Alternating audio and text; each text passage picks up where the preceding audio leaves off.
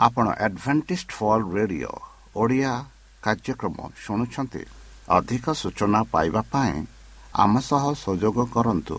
ଏକ ଆଠ ଶୂନ୍ୟ ଶୂନ୍ୟ ଆଠ ତିନି ତିନି ଦୁଇ ଦୁଇ ତିନି ଏକ କିମ୍ବା Bible at the rate of A W R dot O R G ଏହା Adventist World Radio Voice of Hope ଜୀବନଧାରା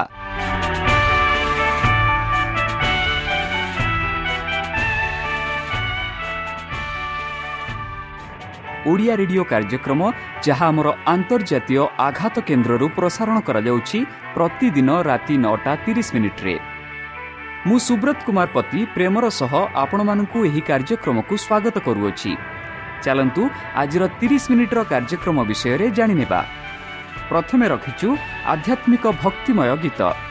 ଏହାପରେ ଶୁଣିବା ସ୍ୱାସ୍ଥ୍ୟ ବିଷୟରେ ଯାହା ଆମର ଦୈନିକ ଜୀବନରେ ଅତ୍ୟନ୍ତ ଜରୁରୀ। ଆଉ ପରିଶେଷରେ ଶୁଣିବା ପରମେଶ୍ୱରଙ୍କ ଭକ୍ତଙ୍କଠାରୁ ଜୀବନଦାୟକ ଈଶ୍ୱରଙ୍କ ବାକ୍ୟ।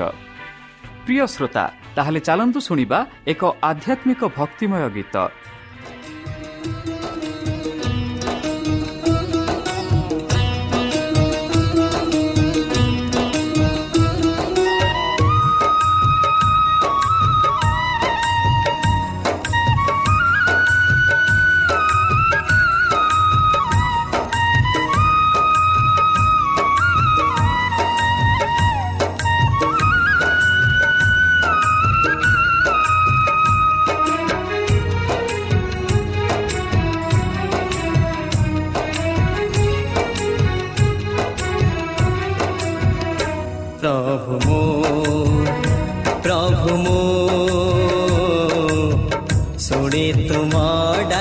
ଡାକ ସୁର ପ୍ରଭୁ ମୋ ପ୍ରଭୁ ମୋ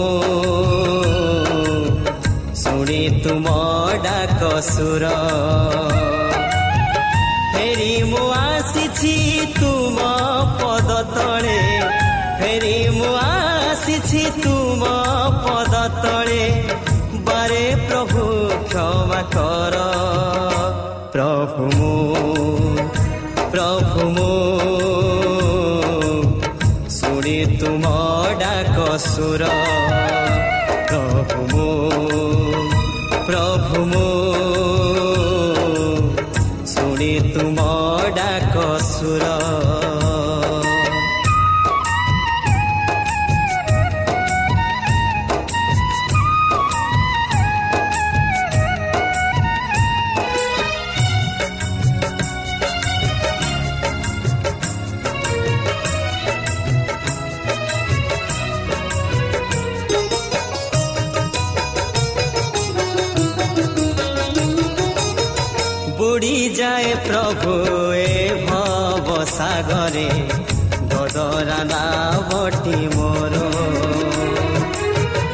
ଅଶାନ୍ତ ପ୍ରଳୟ ମାଡ଼ି ଆସେ ତହି ସ୍ଥିରତା ନୁହଇ ତାର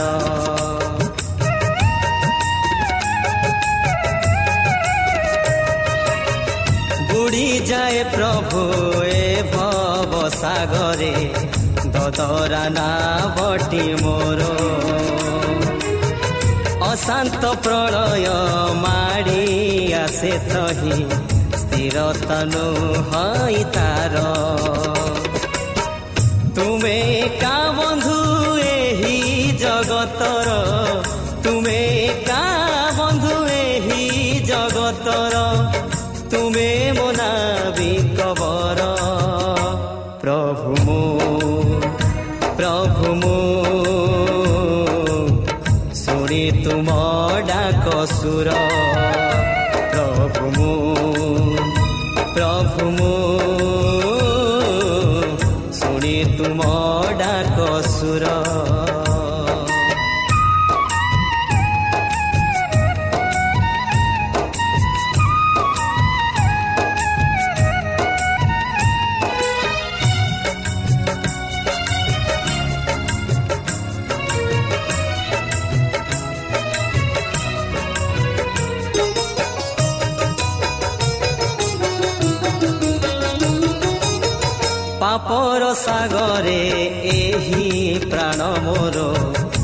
ছাড়ি যায় বহু দূর।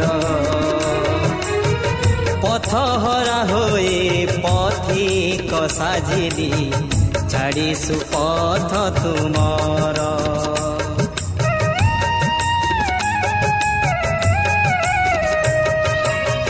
পাপর সাগরে এই প্রাণ মোর, চালি যায় বহু দূর।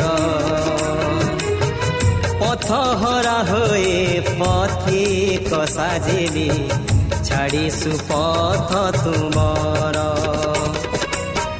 তুমে কা পথ তুমে মোর সত্য তুমে কা পথ তুমে মোর সত্য তুমে মো জীবন ঝর প্রভু মো প্রভু মো ଡାକ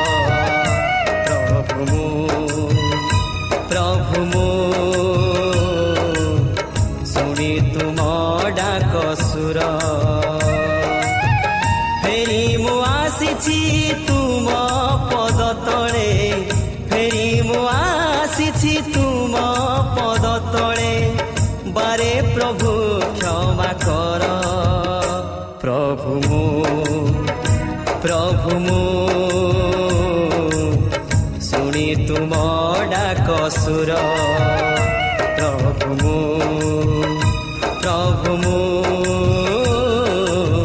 ଶୁଣି ତୁମ ଡାକ ସୁର ପ୍ରଭୁ ମୁଁ ପ୍ରଭୁ ମୁଁ ଶୁଣି ତୁମ ଡାକ ସୁର প্রিয় শ্রোতা আমি আশা করুছু যে আমার কার্যক্রম আপনার পসন্দ ଆପଣଙ୍କର ମତାମତ ଜଣାଇବା ପାଇଁ ଆମର ଏହି ଠିକଣାରେ ଯୋଗାଯୋଗ କରନ୍ତୁ ଆମ ଠିକଣା Adventist Media Centre SDA mission compound Salisbury Park Pune ଚାରି ଏକ ଏକ ଶୂନ ତିନି ସାତ ମହାରାଷ୍ଟ୍ର ବା ଖୋଲନ୍ତୁ ଆମର ୱେବସାଇଟ୍ ଯେକୌଣସି Android phone smartphone desktop laptop କିମ୍ବା ଟ୍ୟାବ୍ଲେଟ୍ ଆମର website W W W dot A W R dot O R G slash O R I ଏବଂ W W W dot Adventist Media Centre India dot O R ବର୍ତ୍ତମାନ ଚାଲନ୍ତୁ ଶୁଣିବା ଈଶ୍ୱରଙ୍କ ଭକ୍ତଙ୍କଠାରୁ ଈଶ୍ୱରଙ୍କ ଜୀବନଦାୟକ ବାକ୍ୟ। ନମସ୍କାର ପ୍ରିୟ ଶ୍ରୋତା। ସେହି ସର୍ବଶକ୍ତି ସର୍ବଜ୍ଞାନୀ ପ୍ରେମର ସାଗର ଦୟାମୟ ଅନ୍ତର୍ଜମୀ ଅନୁଗ୍ରହ ପରମ ପିତାଙ୍କ ମଧୁର ନାମରେ ମୁଁ ପାଷ୍ଟ ପୂର୍ଣ୍ଣଚନ୍ଦ୍ର ଆଉ ଥରେ ଆପଣମାନଙ୍କୁ ଏହି କାର୍ଯ୍ୟକ୍ରମରେ ସ୍ୱାଗତ କରୁଅଛି। ସେହି ସର୍ବଶକ୍ତି ପରମେଶ୍ୱର ଆପଣମାନଙ୍କୁ ଆଶୀର୍ବାଦ କରନ୍ତୁ। ଆପଣଙ୍କୁ ସମସ୍ତ ପ୍ରକାର ଦୁଃଖ କଷ୍ଟ ବାଧା କ୍ଲେଶ ଓ ରୋଗରୁ ଦୂରେଇ ରଖନ୍ତୁ। ଶତ୍ରୁ ସଚେତନ ହସ୍ତରୁ ସେ ଆପଣମାନଙ୍କୁ ସୁରକ୍ଷାରେ ରଖନ୍ତୁ। ତାହାଙ୍କ ପ୍ରେମ ତାହାଙ୍କ ସ୍ନେହ ତାହାଙ୍କ କୃପା ତାହାଙ୍କ ଅନୁଗ୍ରହ ସଦାସର୍ବଦା ଆପଣଙ୍କଠାରେ ସହବର୍ତ୍ତୀ ରହୁ। ପ୍ରିୟ ଶ୍ରୋତା ଚାଲନ୍ତୁ ଆମେ କିଛି ସମୟ ପବିତ୍ର ଶାସ୍ତ୍ର ବାଇବଲଠୁ ତାହାଙ୍କ ଜୀବନଦାୟକ ବାକ୍ୟ ଧ୍ୟାନ କରିବା। ଆଜିର ଆଲୋଚନା ହେଉଛି ସେ ସମଗ୍ର ପୃଥିବୀର ବିଚାରପତି। ବନ୍ଧୁ ଯେପରି ଆମେ ଗତକାଲିରେ ଦେଖିଥିଲୁ ଯୀଶୁଖ୍ରୀଷ୍ଟ ପିଲାତ ଆନାଙ୍କ ସମ୍ମୁଖରେ ଅଛନ୍ତି ଆଉ ଅନେକ ଲୋକ ତାଙ୍କ ବିରୁଦ୍ଧରେ ଅନେକ ବିବେଚନା ଦେଇଛନ୍ତି। ଚାଲନ୍ତୁ ଆଜି ଆମେ ସେହି ବିବେଚନା ବିଷୟରେ ଅଧିକ ଆଲୋଚନା କରିବା। ଯେପରି କିଛି ସମୟ ପାଇଁ ଖ୍ରୀଷ୍ଟ ଈଶ୍ୱରିତ ତାଙ୍କ ମାନବିକତାର ମାର୍ଗଦର୍ଶନ ଦ୍ୱାରା ଲସି ଉଠିଲା। ମହାଯାଜକ ତ୍ରାଣକର୍ତ୍ତାଙ୍କ ଆଖି ଆଗରେ କାନ୍ଦିଲେ। ସେହି ଲୁକ୍ ତାଙ୍କର ବା ସେହି ଦେଖା ତାଙ୍କର ଲୁକାୟତ ଚିନ୍ତାଧାରା ପଢ଼ିବା ପରି ଲାଗିଲା ଏବଂ ତାଙ୍କ ହୃଦୟରେ ଜଳିଗଲା। ପରବର୍ତ୍ତୀ ଜୀବନରେ ସେ କେବେ ବି ଭୁଲି ନାହାନ୍ତି ଯେ ଈଶ୍ୱର ନିଯୁକ୍ତ ପୁତ୍ରଙ୍କ ସନ୍ଧାନକାରୀ ଲୋକ। ବର୍ତ୍ତମାନ ଠାରୁ ଯୀଶୁ କହିଲେ ମୁଁ ତୁମମାନଙ୍କ ଉପରେ ବସି ପୁତ୍ରଙ୍କ ମଣିଷ କରିବ। ଶକ୍ତି ଡାହାଣ ହାତ ଏବଂ ଆକାଶର ମେଘମାଲା ଉପରେ ଆସୁଥିବାର ଏହି ବାକ୍ୟ ଗୁଡ଼ିକରେ ଖ୍ରୀଷ୍ଟ ଘଟୁଥିବା ଦୃଶ୍ୟର ଓଲଟା ଉପସ୍ଥାପନା କଲେ। ସେ ଜୀବନ ଏବଂ ଗୌରବ ପୁତ୍ର ଈଶ୍ୱରଙ୍କ ଡାହାଣ ପଟେ ବସିବେ। ସେ ସମଗ୍ର ପୃଥିବୀର ବିଚାରପତି ହେବେ ଏବଂ ତାଙ୍କ ନିଷ୍ପତ୍ତିକୁ କୌଣସି ଆବେଦନ ହୋଇପାରିବ ନାହିଁ। ତାପରେ ପ୍ରତ୍ୟେକ ଗୁପ୍ତ ଜିନିଷ ଈଶ୍ୱରଙ୍କ ମୁଖରୁ ଆଲୋକରେ ସ୍ଥାପିତ ହେବ ଏବଂ ପ୍ରତ୍ୟେକ ବ୍ୟକ୍ତିଙ୍କ କାର୍ଯ୍ୟ ଅନୁଆଇ ବିଚାର ହେବ। କୃଷ୍ଣଙ୍କ ବାକ୍ୟ ମହାଜାଦକୁ ଚକିତ କଲା। ମୃତ୍ୟୁମାନଙ୍କର ପୁନରୁତ୍ଥାନ ହେବାର ଥିଲା ଯେତେବେଳେ ସେ ସମସ୍ତେ ଈଶ୍ୱରଙ୍କ ଠାରେ ବା ଈଶ୍ୱରଙ୍କ ବାରରେ ଠିଆ ହେବେ। ସେମାନଙ୍କ କାର୍ଯ୍ୟ ଅନୁଆଇ ପୁରସ୍କୃତ ହେବେ। ଏହା କାହିଁପାଙ୍କ ପାଇଁ ଆତଙ୍କ ସୃଷ୍ଟି କରିଥିଲା। ଭବିଷ୍ୟତରେ ସେ ତାଙ୍କ କାର୍ଯ୍ୟ ଅନୁଆଇ ଦଣ୍ଡ ପାଇବେ ବୋଲି ସେ ବିଶ୍ୱାସ କରିବାକୁ ଚାହୁଁନଥିଲେ। ଅନ୍ତିମ ବିଚାରର ଦୃଶ୍ୟ ଏକ। ପାନୋରାମା ଭାବରେ ତାଙ୍କ ମନ ଆଗରେ ଦୌଡ଼ିଗଲା। କିଛି କ୍ଷଣ ପାଇଁ ସେ ଖବର ଗୁଡ଼ିକର ଭୟାନକ ଦୃଶ୍ୟ ଦେଖି ସେମାନଙ୍କ ମୃତ୍ୟୁମାନଙ୍କୁ ଛାଡ଼ିଦେଲେ ଏବଂ ସେ ଆଶା କରୁଥିବା ରହସ୍ୟ ସବୁଦିନ ପାଇଁ ଲୁଚି ରହିଲା। କିଛି କ୍ଷଣ ପାଇଁ ସେ ଅନୁଭବ କଲା ଯେ ଅନନ୍ତ ବିଚାରପତିଙ୍କ ସମ୍ମୁଖରେ ଠିଆ ହୋଇଛନ୍ତି ଯାହାର ଆଖି ସବୁ ଜିନିଷ ଦେଖୁଛି। ସେ ତାଙ୍କ ପ୍ରାଣ ପଡ଼ୁଛନ୍ତି ମୃତ୍ୟୁମାନଙ୍କ ସହିତ ଲୁଚି ରହିଥିବା ରହସ୍ୟକୁ ସମ୍ମାନକୁ ଆଣୁଛନ୍ତି। ବନ୍ଧୁ ପୁରୋହିତଙ୍କ ଦର୍ଶନକୁ ଏହି ଦୃଶ୍ୟ ଅତିକ୍ରମ କଲା। କୃଷ୍ଣଙ୍କ ବାକ୍ୟ ତାଙ୍କୁ ସାଧୁକୀଙ୍କ ଶୀଘ୍ର କାଟିଲା। କାଇଫାସ ପୁନରୁତ୍ଥାନ ବିଚାର ଏବଂ ଭବିଷ୍ୟତ ଜୀବନର ଉପଦେଶକୁ ଅସ୍ୱୀକାର କରିଥିଲେ। ବର୍ତ୍ତମାନ ସେ ଶୟତାନର କ୍ରୋଧରେ ପାଗଳ ହୋଇଗଲେ। ଏହି ବ୍ୟକ୍ତି ତାଙ୍କ ପୂର୍ବର ଜଣେ ବନ୍ଧୀ ତାଙ୍କର ଅତି ପ୍ରିୟ ଶତ୍ରୁକୁ ଆକ୍ରମଣ କରିବାକୁ।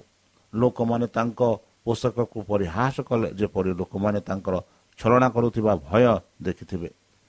ସେ ଦାବି କରିଛନ୍ତି ଯେ ପ୍ରାଥମିକତା ବିନା କଇଦାକୁ ନିନ୍ଦା କରାଯିବା ଉଚିତ ନାହିଁ। ସାକ୍ଷୀମାନଙ୍କ ଆଉ କ'ଣ ଆବଶ୍ୟକତା ଅଛି କି ସେ ପଚାରିଲେ ଦେଖ ବର୍ତ୍ତମାନ ଆପଣ ତାଙ୍କର ନିନ୍ଦା ଶୁଣିଛନ୍ତି ଆପଣ କ'ଣ ଭାବୁଛନ୍ତି? ସମସ୍ତେ ତାଙ୍କୁ ନିନ୍ଦା କଲେ। ଉତ୍ସାହ ସହିତ ମିଶ୍ରିତ ବିଶ୍ୱାସ କାଫାୟଙ୍କୁ ଫେରିଗଲେ। କୃଷ୍ଣଙ୍କ ବାକ୍ୟକୁ ବିଶ୍ୱାସ କରି ସେ ନିଜ ଉପରେ କ୍ରୋଧିତ ହେଲେ ଏବଂ ସତ୍ୟର ଗଭୀର ଭାବନାରେ ନିଜ ହୃଦୟକୁ ସମର୍ପିତ କରିବା ପରିବର୍ତ୍ତେ ଏବଂ ଯୀଶୁ ଖ୍ରୀଷ୍ଟ ବୋଲି ସ୍ୱୀକାର କରିବା ପରିବର୍ତ୍ତେ ସେ ନିଜର ପୁରୋହିତ ବସ୍ତ୍ରକୁ ନିର୍ଦ୍ଦିଷ୍ଟ ପ୍ରତିରୋଧରେ ଭଡ଼ା କଲେ। ଏହି କାର୍ଯ୍ୟ ଗଭୀର ଭାବରେ ମହତ୍ଵପୂର୍ଣ୍ଣ ଥିଲା ବନ୍ଧୁ। କାୟାଫାସ୍ ଏଥର ଅର୍ଥ ବୁଝି ପାରିଲେ ନାହିଁ। ବିଚାରପତିମାନଙ୍କୁ ପ୍ରଭାବିତ କରିବା ଏବଂ ଖ୍ରୀଷ୍ଟଙ୍କ ନିନ୍ଦାକୁ ସୁରକ୍ଷିତ କରିବା ପାଇଁ କରାଯାଇଥିବା ଏକ କାର୍ଯ୍ୟରେ ମହାଯାଜକ ନିଜକୁ ନିନ୍ଦା କରିଥିଲେ। ଈଶ୍ୱରଙ୍କ ନିୟମ ଅନୁଆଇ ସେ ପୁରୋହିତ ହେବା ପାଇଁ ଅଯୋଗ୍ୟ ଅଯୋଗ୍ୟ ହୋଇଥିଲେ। ସେ ନିଜେ ମୃତ୍ୟୁଦଣ୍ଡ ଘୋଷଣା କରିଥିଲେ। ଜଣେ ମହାଜାଜଙ୍କ ତାଙ୍କର ବସ୍ତ୍ର ପରିଧାନ କରିବା ଉଚିତ ନୁହେଁ। ଲେବିୟ ନିୟମ ଅନୁଆଇ ମୃତ୍ୟୁଦଣ୍ଡରେ ଏହା ନିଷେଧ କରାଯାଇଥିଲା। କୌଣସି ପରିସ୍ଥିତିରେ କୌଣସି ଘଟଣାରେ ପୁରୋହିତ ତାଙ୍କ ପୋଷାକ ପରିଧାନ କରିବା ପାଇଁ ନଥିଲା। ବନ୍ଧୁମାନଙ୍କ ମୃତ୍ୟୁରେ ବସ୍ତ୍ର ଭଡ଼ା ଦିଆଯିବା ଯେଉଁଦୀମାନଙ୍କ ମଧ୍ୟରେ ପ୍ରଥା ଥିଲା। କିନ୍ତୁ ଏହି ଯାଜକମାନେ ପାଳନ କରିବା ଉଚିତ ନୁହେଁ। ଏହି ବିଷୟରେ ଖ୍ରୀଷ୍ଟ ମଶାଙ୍କୁ କମଣ୍ଡ ଦେଇଥିଲେ ବା କହିଥିଲେ। ଲିବିୟ ପୁସ୍ତକ ଦଶ ଛଅରେ ଆମେ ପାଉଅଛୁ ପୁରୋହିତ ପିନ୍ଧିଥିବା ସମସ୍ତ ଜିନିଷ ସମ୍ପୂର୍ଣ୍ଣ ଏବଂ ନିଖୁଣ୍ଟ ହେବା ଉଚିତ ବା ନିଖୁଣ୍ଣ ହେବା ଉଚିତ। ସେହି ସୁନ୍ଦର ସରକାରୀ ପୋଷାକ ଦ୍ୱାରା ମହାନ ଆଣ୍ଟିଲଫ ଯୀଶୁଖ୍ରୀଷ୍ଟଙ୍କ ଚରିତ୍ର ଉପସ୍ଥାପିତ ହୋଇଥିଲା। ସିଦ୍ଧତା ପୋଷାକ ଏବଂ ମନୋଭାବରେ ବାକ୍ୟ ଏବଂ ଆତ୍ମାରେ ଈଶ୍ୱରଙ୍କ ନିକଟରେ ଗ୍ରହଣୀୟ ହୋଇପାରନ୍ତି ନାହିଁ। ସେ ପବିତ୍ର ଏବଂ ତାଙ୍କର ଗୌରବ ଏବଂ ସିଦ୍ଧତା ପାର୍ଥିବ ଦ୍ୱାରା ଉପସ୍ଥାପିତ ହେବା ଆବଶ୍ୟକ। ସିଦ୍ଧତା ବ୍ୟତୀତ ଆଉ କିଛି ସ୍ୱକୀୟ ସେବାର ପବିତ୍ରଠାକୁ ସଠିକ ଭାବରେ ଉପସ୍ଥାପନା କରିପାରିବ ନାହିଁ। ସୀମିତ ମନୁଷ୍ୟ ହୁଏତ ଏକ ସଂସ୍କୃତ ଏବଂ ନମ୍ର ଆତ୍ମା ଦେଖାଇ ନିଜ ହୃଦୟକୁ ଉପସ୍ଥାପନା କରିପାରନ୍ତି। ଏହି ଈଶ୍ୱର ଜାଣିପାରିବେ। କିନ୍ତୁ ପରହିତ ପୋଷାକର କୌଣସି ଭଡ଼ା ଦିଆଯିବା ଉଚିତ ନୁହେଁ। କାରଣ ଏହା ସ୍ୱର୍ଗୀୟ ଜିନିଷ ଗୁଡ଼ିକର ପ୍ରତିନିଧିତ୍ୱକୁ ନଷ୍ଟ କରିଦେବ।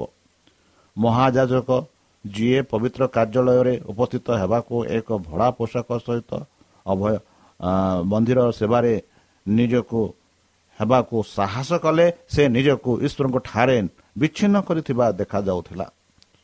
ନିଜ ପୋଷାକକୁ ଚିରା କରି ସେ ନିଜକୁ ଏକ ପ୍ରତିନିଧି ଚରିତ୍ରକୁ ଦୂରେଇ ରଖିଥିଲେ ବନ୍ଧୁ। ସେ ଆଉ ଈଶ୍ୱରଙ୍କ ଠାରେ ଜଣେ ଅଫିସିଆଲ ପୁରୋହିତ ଭାବରେ ଗ୍ରହଣ କଲେ ନାହିଁ। କାୟଫାସ ଦ୍ୱାରା ପ୍ରଦର୍ଶିତ ହୋଇଥିବା ଏହି କାର୍ଯ୍ୟ ପ୍ରକ୍ରିୟା ମନୁଷ୍ୟର ଉତ୍ସାହ ମାନବ ସମ୍ପୂର୍ଣ୍ଣତା ଦେଖାଇଗଲା। ନିଜ ପରମ୍ପରାକୁ ଅନୁସରଣ କରି ଖାଇଫାସ ଈଶ୍ୱରଙ୍କ ନିୟମକୁ କୌଣସି ପ୍ରଭାବ ପକାଇଲେ ନାହିଁ। ମନୁଷ୍ୟ ଦ୍ୱାରା ନିର୍ମିତ ନିୟମ ଅନୁଆୟୀ ଯଦି ଜଣେ ପୁରୋହିତ ନିନ୍ଦା କରନ୍ତି ତେବେ ପାପ ଭୟଭୀତ ହୋଇ ନିଜ ବସ୍ତ୍ର ପରିଧାନ କରିପାରିବେ ଏବଂ ଦୋଷୀ ହୋଇପାରେ। ଏପରି ଭାବରେ ମନୁଷ୍ୟର ନିୟମ ଦ୍ୱାରା ଈଶ୍ୱରଙ୍କ ନିୟମ ଶୂନ୍ୟ ହେଲା। ମହାଜାଜଙ୍କ ପ୍ରତ୍ୟେକ କାର୍ଯ୍ୟକୁ ଲୋକମାନଙ୍କ ଆଗ୍ରହରେ ଦେଖୁଥିଲେ ଏବଂ କାୟଫସ୍ ତାଙ୍କ ଧାର୍ମିକତା ପ୍ରଦର୍ଶନ କରିବାକୁ ଚିନ୍ତା କଲେ। କିନ୍ତୁ ଏହି କାର୍ଯ୍ୟରେ କୃଷ୍ଣଙ୍କ ବିରୁଦ୍ଧରେ ଏକ ଅଭିଯୋଗ ଭାବରେ ପରିକଳ୍ପିତ ହୋଇ ସେ ଈଶ୍ୱରଙ୍କ କହିଥିଲେ ମୋର ନାମ ତାଙ୍କଠାରେ ଅଛି। ସେ ନିଜେ ନିନ୍ଦା କରୁଥିଲେ ଈଶ୍ୱରଙ୍କ ନିନ୍ଦା ତଳେ ଠିଆ ହୋଇ ସେ କୃଷ୍ଣଙ୍କ ଉପରେ ନିନ୍ଦାକାରୀ ଭାବରେ ଦଣ୍ଡ ଘୋଷଣା କଲେ। ବନ୍ଧୁ ଯେତେବେଳେ ଖାଇଫାସ୍ ତାଙ୍କ ବସ୍ତ୍ର ଭଡ଼ା କଲେ ସେତେବେଳେ ତାଙ୍କର କାର୍ଯ୍ୟ ମହତ୍ଵ ପୂର୍ଣ୍ଣ ଥିଲା ଯେଉଁଠାରେ ଏକ ରାଷ୍ଟ୍ର ଭାବରେ ଜୁହୁଦା ରାଷ୍ଟ୍ର ପରେ ଈଶ୍ୱରଙ୍କ ନିକଟରେ ଦଖଲ କରିବେ। ଥରେ ଈଶ୍ୱରଙ୍କ ଅନୁଗ୍ରହ ପ୍ରାପ୍ତ ବ୍ୟକ୍ତିମାନେ ତାଙ୍କଠାରୁ ନିଜକୁ ଅଲଗା କରୁଥିଲେ ଏବଂ ଶୀଘ୍ର ଜୁହୋବାଙ୍କ ଦ୍ୱାରା ଅସ୍ୱୀକାର କରୁଥିବା ଲୋକ ହେବାକୁ ଲାଗିଲେ। ଯେତେବେଳେ କୃଷ ଉପରେ ଖ୍ରୀଷ୍ଟକାର କଲେ ଏହା ସମାପ୍ତ ହେଲା ଏବଂ ମନ୍ଦିରର ଆବରଣ ଦୁଇ ଭାଗରେ ଭାଙ୍ଗିଗଲା। ପବିତ୍ର ରାକ୍ଷୀ ଘୋଷଣା କଲେ ଯେ ଯହୁଦୀ ଲୋକମାନେ ତାଙ୍କ ପ୍ରତ୍ୟାଖ୍ୟାନ କରିଛନ୍ତି ଯିଏ ସେମାନଙ୍କ ସମସ୍ତ ପ୍ରକାରର ବିରୋଧ ଅଟନ୍ତି। ସେମାନଙ୍କ ସମସ୍ତ ଛାର ପଦାର୍ଥ ଇସ୍ରାଏଲ ଈଶ୍ୱରଙ୍କ ଠାରୁ ଛାଡ଼ପତ୍ର ହୋଇଥିଲେ। ଭଲ ଭାବରେ କାୟଫା ତାପରେ ତାଙ୍କର ସରକାରୀ ପୋଷାକ ପରିଧାନ କରିପାରନ୍ତି ଯାହା ସୂଚାଇ ଦେଲା ଯେ ସେ ମହାନ ମହାଜାଜଙ୍କ ପ୍ରତିନିଧି ବୋଲି ଦାବି କରିଥିଲେ। କାରଣ ତାଙ୍କ ପ୍ରତି କିମ୍ବା ଲୋକଙ୍କ ପାଇଁ ଆଉ କୌଣସି ଅର୍ଥ ନଥିଲା। ମହାଜାଜକ ନିଜ ପାଇଁ ଓ ଦେଶ ପାଇଁ ଭୟଭୀତ ହୋଇ ନିଜର ବସ୍ତ୍ର ପରିଧାନ କରିପାରନ୍ତି ନାହିଁ। ଯେପରିକି ସେନାଡ୍ରିନ୍ ଯୀଶୁଙ୍କୁ ମୃତ୍ୟୁର ଯୋଗ୍ୟ ବୋଲି ଘୋଷଣା କରିଥିଲେ କିନ୍ତୁ ରାତିରେ କଏଦୀଙ୍କୁ ପରୀକ୍ଷା କରିବା ଜୁହୁଦୀ ନିୟମରେ ବିପରୀତ ଥିଲା। ଆଇନଗତ ନିନ୍ଦା ବେଳେ ଦିନର ଆଲୋକ ଏବଂ ପରିଷଦର ପୂର୍ଣ୍ଣ ଅଧିବେଶନ ପୂର୍ବରୁ କିଛି କରାଯାଇପାରିବ ନାହିଁ। ଏହା ସତ୍ତ୍ୱେ ତ୍ରାଣକର୍ତ୍ତା ବର୍ତ୍ତମାନ ଜଣେ ଦୋଷୀ ଅପରାଧୀ ଭାବରେ ପରିଗଣିତ ହେଲେ ଏବଂ ମାନବ ଜାତି ସର୍ବନିମ୍ନ ତଥା ଦୁଷ୍ଟାନ୍ତ ବ୍ୟକ୍ତିଙ୍କ ଦ୍ୱାରା ନିର୍ଯାତିତ ହେବାକୁ ଦିଆଗଲା।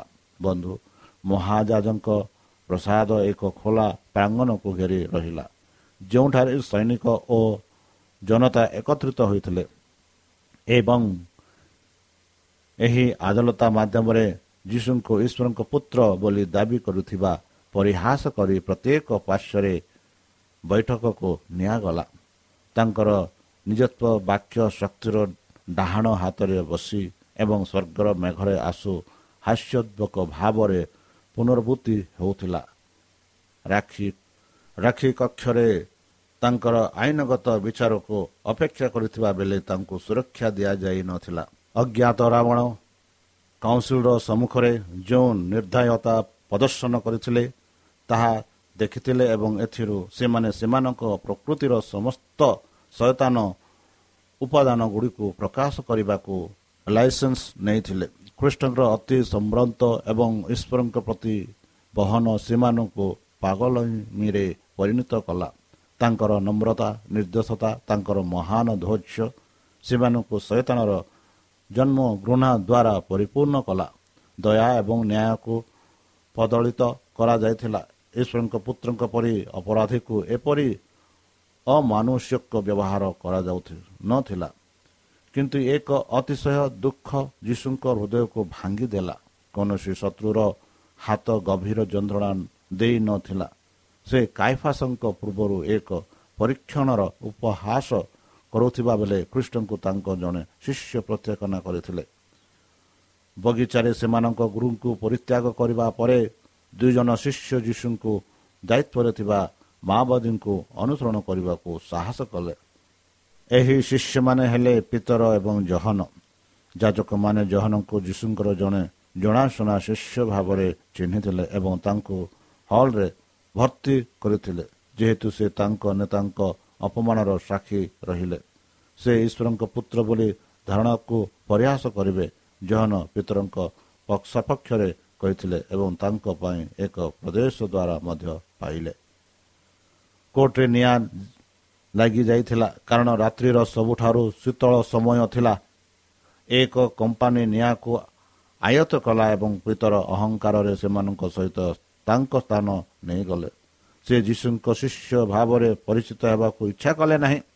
ଜନତାଙ୍କ ସହିତ ଆଶା ବା ଧାନତା ଅବଲମ୍ବନ କରି ସେ ଆଶା କରିଥିଲେ ଯେ ଯୀଶୁଙ୍କୁ ହଲ୍କୁ ଆଣିଥିବା ଲୋକମାନଙ୍କ ମଧ୍ୟରୁ ଜଣକୁ ନିଆଯିବ। କିନ୍ତୁ ପିତର ମୁହଁରେ ଆଲୋକ ଲସି ଉଠିବା ମାତ୍ରେ କବାଟ ରଖିଥିବା ମହିଳା ତାଙ୍କ ଉପରେ ଏକ ନଜର ପକାଇଲେ। ସେ ଜହନଙ୍କ ସହିତ ସେ ଆସିଥିବା ନଥିବାର କହିଥିଲେ। ସେ ତାଙ୍କର ମୁହଁ ରୂପ ଚିହ୍ନଟ ଏବଂ ଭାବିଲି ଯେ ସେ ଯୀଶୁଙ୍କ ଜଣେ ଶିଷ୍ୟ ହୋଇପାରେ। ସେ କାଇଫାସଙ୍କ ପରିବାରର ଜଣେ ସେବକ ଥିଲେ। ଏବଂ ଜାଣିବାକୁ ଆଗ୍ରହୀ ଥିଲେ ସେ ପିତରଙ୍କୁ କହିଲେ ତୁମେ ମଧ୍ୟ ଏହି ଲୋକର ଶିଷ୍ୟମାନଙ୍କ ମଧ୍ୟରୁ ଜଣେ ନୁହଁ କି? ପିତର ଆଶ୍ଚର୍ଯ୍ୟ ହୋଇଗଲେ। ସଙ୍ଗେ ସଙ୍ଗେ କମ୍ପାନୀର ଆଖି ତାଙ୍କ ଉପରେ ଲାଗିଗଲା ସେ ତାକୁ ବୁଝି ନ ପାରି ଛଲନା କଲା କିନ୍ତୁ ସେ ସ୍ଥିର ଥିଲେ ଯେ ଏବଂ ତାଙ୍କ ଚତୁର୍ଥ ଦିଗରେ ଥିବା ଲୋକଙ୍କୁ କହିଥିଲେ ଯେ ଏହି ବ୍ୟକ୍ତି ଯୀଶୁଙ୍କ ସହିତ ଅଛନ୍ତି। ପିତର ଉତ୍ତର ଦେବାକୁ ବାଧ୍ୟ ହେଲେ ଏବଂ କ୍ରୋଧରେ କହିଲେ ନାରୀ ମୁଁ ତାଙ୍କୁ ଜାଣେ ନାହିଁ। ଏହା ପ୍ରଥମ ଅସ୍ୱୀକାର ଏବଂ ସଙ୍ଗେ ସଙ୍ଗେ କୁକୁଡ଼ା କର୍ମଚାରୀ ସେ ପିତର ଶୀଘ୍ର ତୁମ ଗୁରୁଙ୍କ ପାଇଁ ଲଜିତ ଶୀଘ୍ର ତୁମ ପ୍ରଭୁଙ୍କ ଅସ୍ୱୀକାର କରିବାକୁ ଶିଶୁ ଜହନ ବିଚାର କୋଷ୍ଟରରେ ପ୍ରବେଶ କରିବା ପରେ ସେ ଯୀଶୁଙ୍କ ଅନୁଗାମୀ ବୋଲି ଲୁଚାଇବାକୁ ଚେଷ୍ଟା କଲେ ନାହିଁ। ସେ ତାଙ୍କ ଗୁରୁଙ୍କ ଅପମାନିତ କରୁଥିବା ରୁଗ କମ୍ପାନୀ ସହିତ ମିଶି ନଥିଲେ ତାଙ୍କ ପଚରାଇ ନଥିଲା କାରଣ ସେ ମିଥ୍ୟା ଚରିତ୍ର ଗ୍ରହଣ କରିନଥିଲେ ଏବଂ ଏପରି ଭାବରେ ସେ ନିଜକୁ ସନ୍ଦେହରେ ଦାୟୀ କରିଥିଲେ। ନୋଟିସର ସେ ଏକ ଅବସର ପ୍ରାପ୍ତ ଖୋଜୁଥିଲେ। କିନ୍ତୁ ଯୀଶୁଙ୍କ ନିକଟରେ ଯେ କି ସମ୍ଭବ ତାହା ସମ୍ଭବ ହୋଇଥିଲା। ଏଠାରେ ସେ ତାଙ୍କ ପ୍ରଭୁଙ୍କ ପରୀକ୍ଷଣ ସମୟରେ ଘଟିଥିବା ସମସ୍ତ ଘଟଣା ଦେଖିପାରିଲେ। ବନ୍ଧୁ ବେଳେ ବେଳେ ଆମେ ମଧ୍ୟ ପିତରଙ୍କ ପରି ଯୀଶୁଙ୍କୁ ଜାଣିନାହୁଁ ବୋଲି ଆମେ ଅସ୍ୱୀକାର କରିଥାଉ ମନେ ରଖ ଯୀଶୁ ହେଉଛନ୍ତି ସମଗ୍ର ପୃଥିବୀର ବିଚାରକର୍ତ୍ତା ସେ ସବୁକିଛି ଦେଖୁଛନ୍ତି ସେ ସବୁକିଛି ବିଚାର କରନ୍ତି ତାହେଲେ ଚାଲନ୍ତୁ ସେଇ ଖ୍ରୀଷ୍ଟଙ୍କଠାରେ ଆମେ ବିଶ୍ୱାସ କରି ତାଙ୍କ ନାମକୁ ବିଶ୍ୱାସ କରି ତାହାଙ୍କୁ ଭୟ କରି ଯେପରି ତାଙ୍କୁ ବିଶ୍ୱାସ କରି ଯେହେତୁ ସେ ଆମମାନଙ୍କ ପାଇଁ ଜୀବନ ଦାନ ଦେଲେ ମୃତ୍ୟୁ ହେଲେ ଯେପରି ତାଙ୍କ ମୃତ୍ୟୁ ଦ୍ୱାରା ଆମେ ଜୀବନ ପ୍ରାପ୍ତ ହୋଇପାରିବା। ତାହେଲେ ପ୍ରିୟ ସଦା ଚାଲନ୍ତୁ ନିଜକୁ ସମର୍ପଣ କରି ତାହାଙ୍କ ମଧୁର ନାମେ ଆମେ ପ୍ରାର୍ଥନା ଓ ଉତ୍ସର୍ଗ କରିବା। ହେ ଆମ୍ଭମାନଙ୍କ ସର୍ବଶକ୍ତି ସର୍ବଜ୍ଞାନୀ ପ୍ରେମର ସାଗର ଦୟାମୟ ଅନ୍ତର୍ଜମୀ ଅନୁଗ୍ରହ ପରମ ପିତା। ଧନ୍ୟବାଦ ଅର୍ପଣ କରୁଛୁ ପ୍ରଭୁ ବର୍ତ୍ତମାନ ଯେଉଁ ବାକ୍ୟ ତୁମ ଭକ୍ତମାନଙ୍କୁ ଶୁଣାଇଲେ ସେହି ବାକ୍ୟ ଅନୁସାରେ ଏମାନଙ୍କୁ ଚାଲିବା ପାଇଁ ରହିବା ପାଇଁ ବୁଦ୍ଧିରେ ଜ୍ଞାନରେ ଶକ୍ତିରେ ପରିପୂର୍ଣ୍ଣ କର।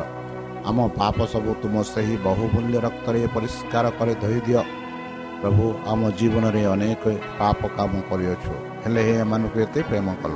ଆଉ ସେହି ପ୍ରେମ ଯୋଗୁଁ ଆମକୁ ବଞ୍ଚାଇବା ପାଇଁ ତୁମେ ସେହି କୃଷରେ ଚଢ଼ିଲ। ହେ ପରମେଶ୍ୱର ଆମ ପାପ ସବୁ ସେହି ବହୁମୂଲ୍ୟ ରକ୍ତରେ ପରିଷ୍କାର କରି ଧୋଇଦିଅ। ଆଉ ପରିଶେଷ ଯେବେ ତୁମେ ତୁମ ସେହି ସହସ୍ରଦୂତଙ୍କ ସହ ଆପଣ ସାଧୁମାନଙ୍କୁ ସଂଗ୍ରହ କରିବା ନିମନ୍ତେ ଆସିବେ ସେତେବେଳେ ଏମାନଙ୍କୁ ଏକ ବାସ ସ୍ଥାନ ଦିଅ ବୋଲି ତ୍ରାଣକର୍ତ୍ତା ପ୍ରଭୁ ଯୀଶୁଙ୍କ ମଧୁରମୟ ନାମରେ ଏହି ଛୋଟ ବିକ୍ଷମ ଅଛି ଶୁଣି ଗ୍ରହଣ କର। ଆମେନ୍।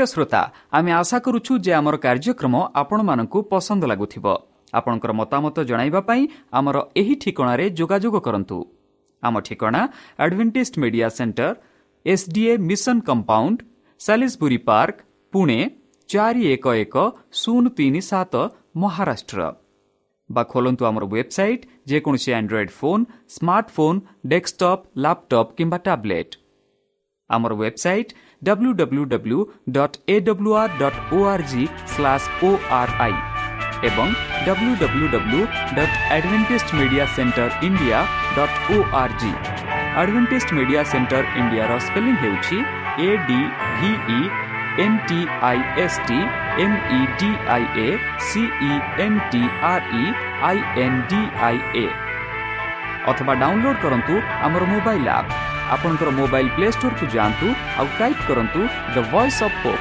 আউ ডাউনলোড করন্তু ঈশ্বর আপনার আশীর্বাদ করন্তু ধন্যবাদ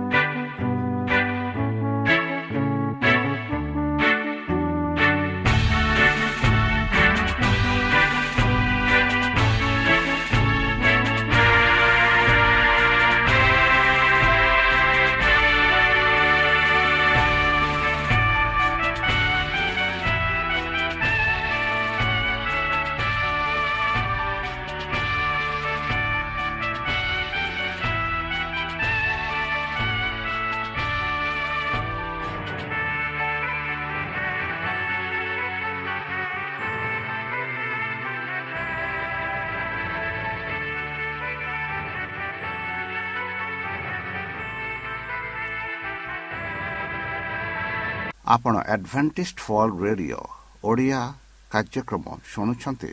ଅଧିକ ସୂଚନା ପାଇବା ପାଇଁ ଆମ ସହ ସଂଯୋଗ କରନ୍ତୁ। ଏକ ଆଠ ଶୂନ୍ୟ ଶୂନ୍ୟ ଆଠ ତିନି ତିନି ଦୁଇ ଦୁଇ ତିନି ଏକ କିମ୍ବା Bible at the rate of A W R dot O R G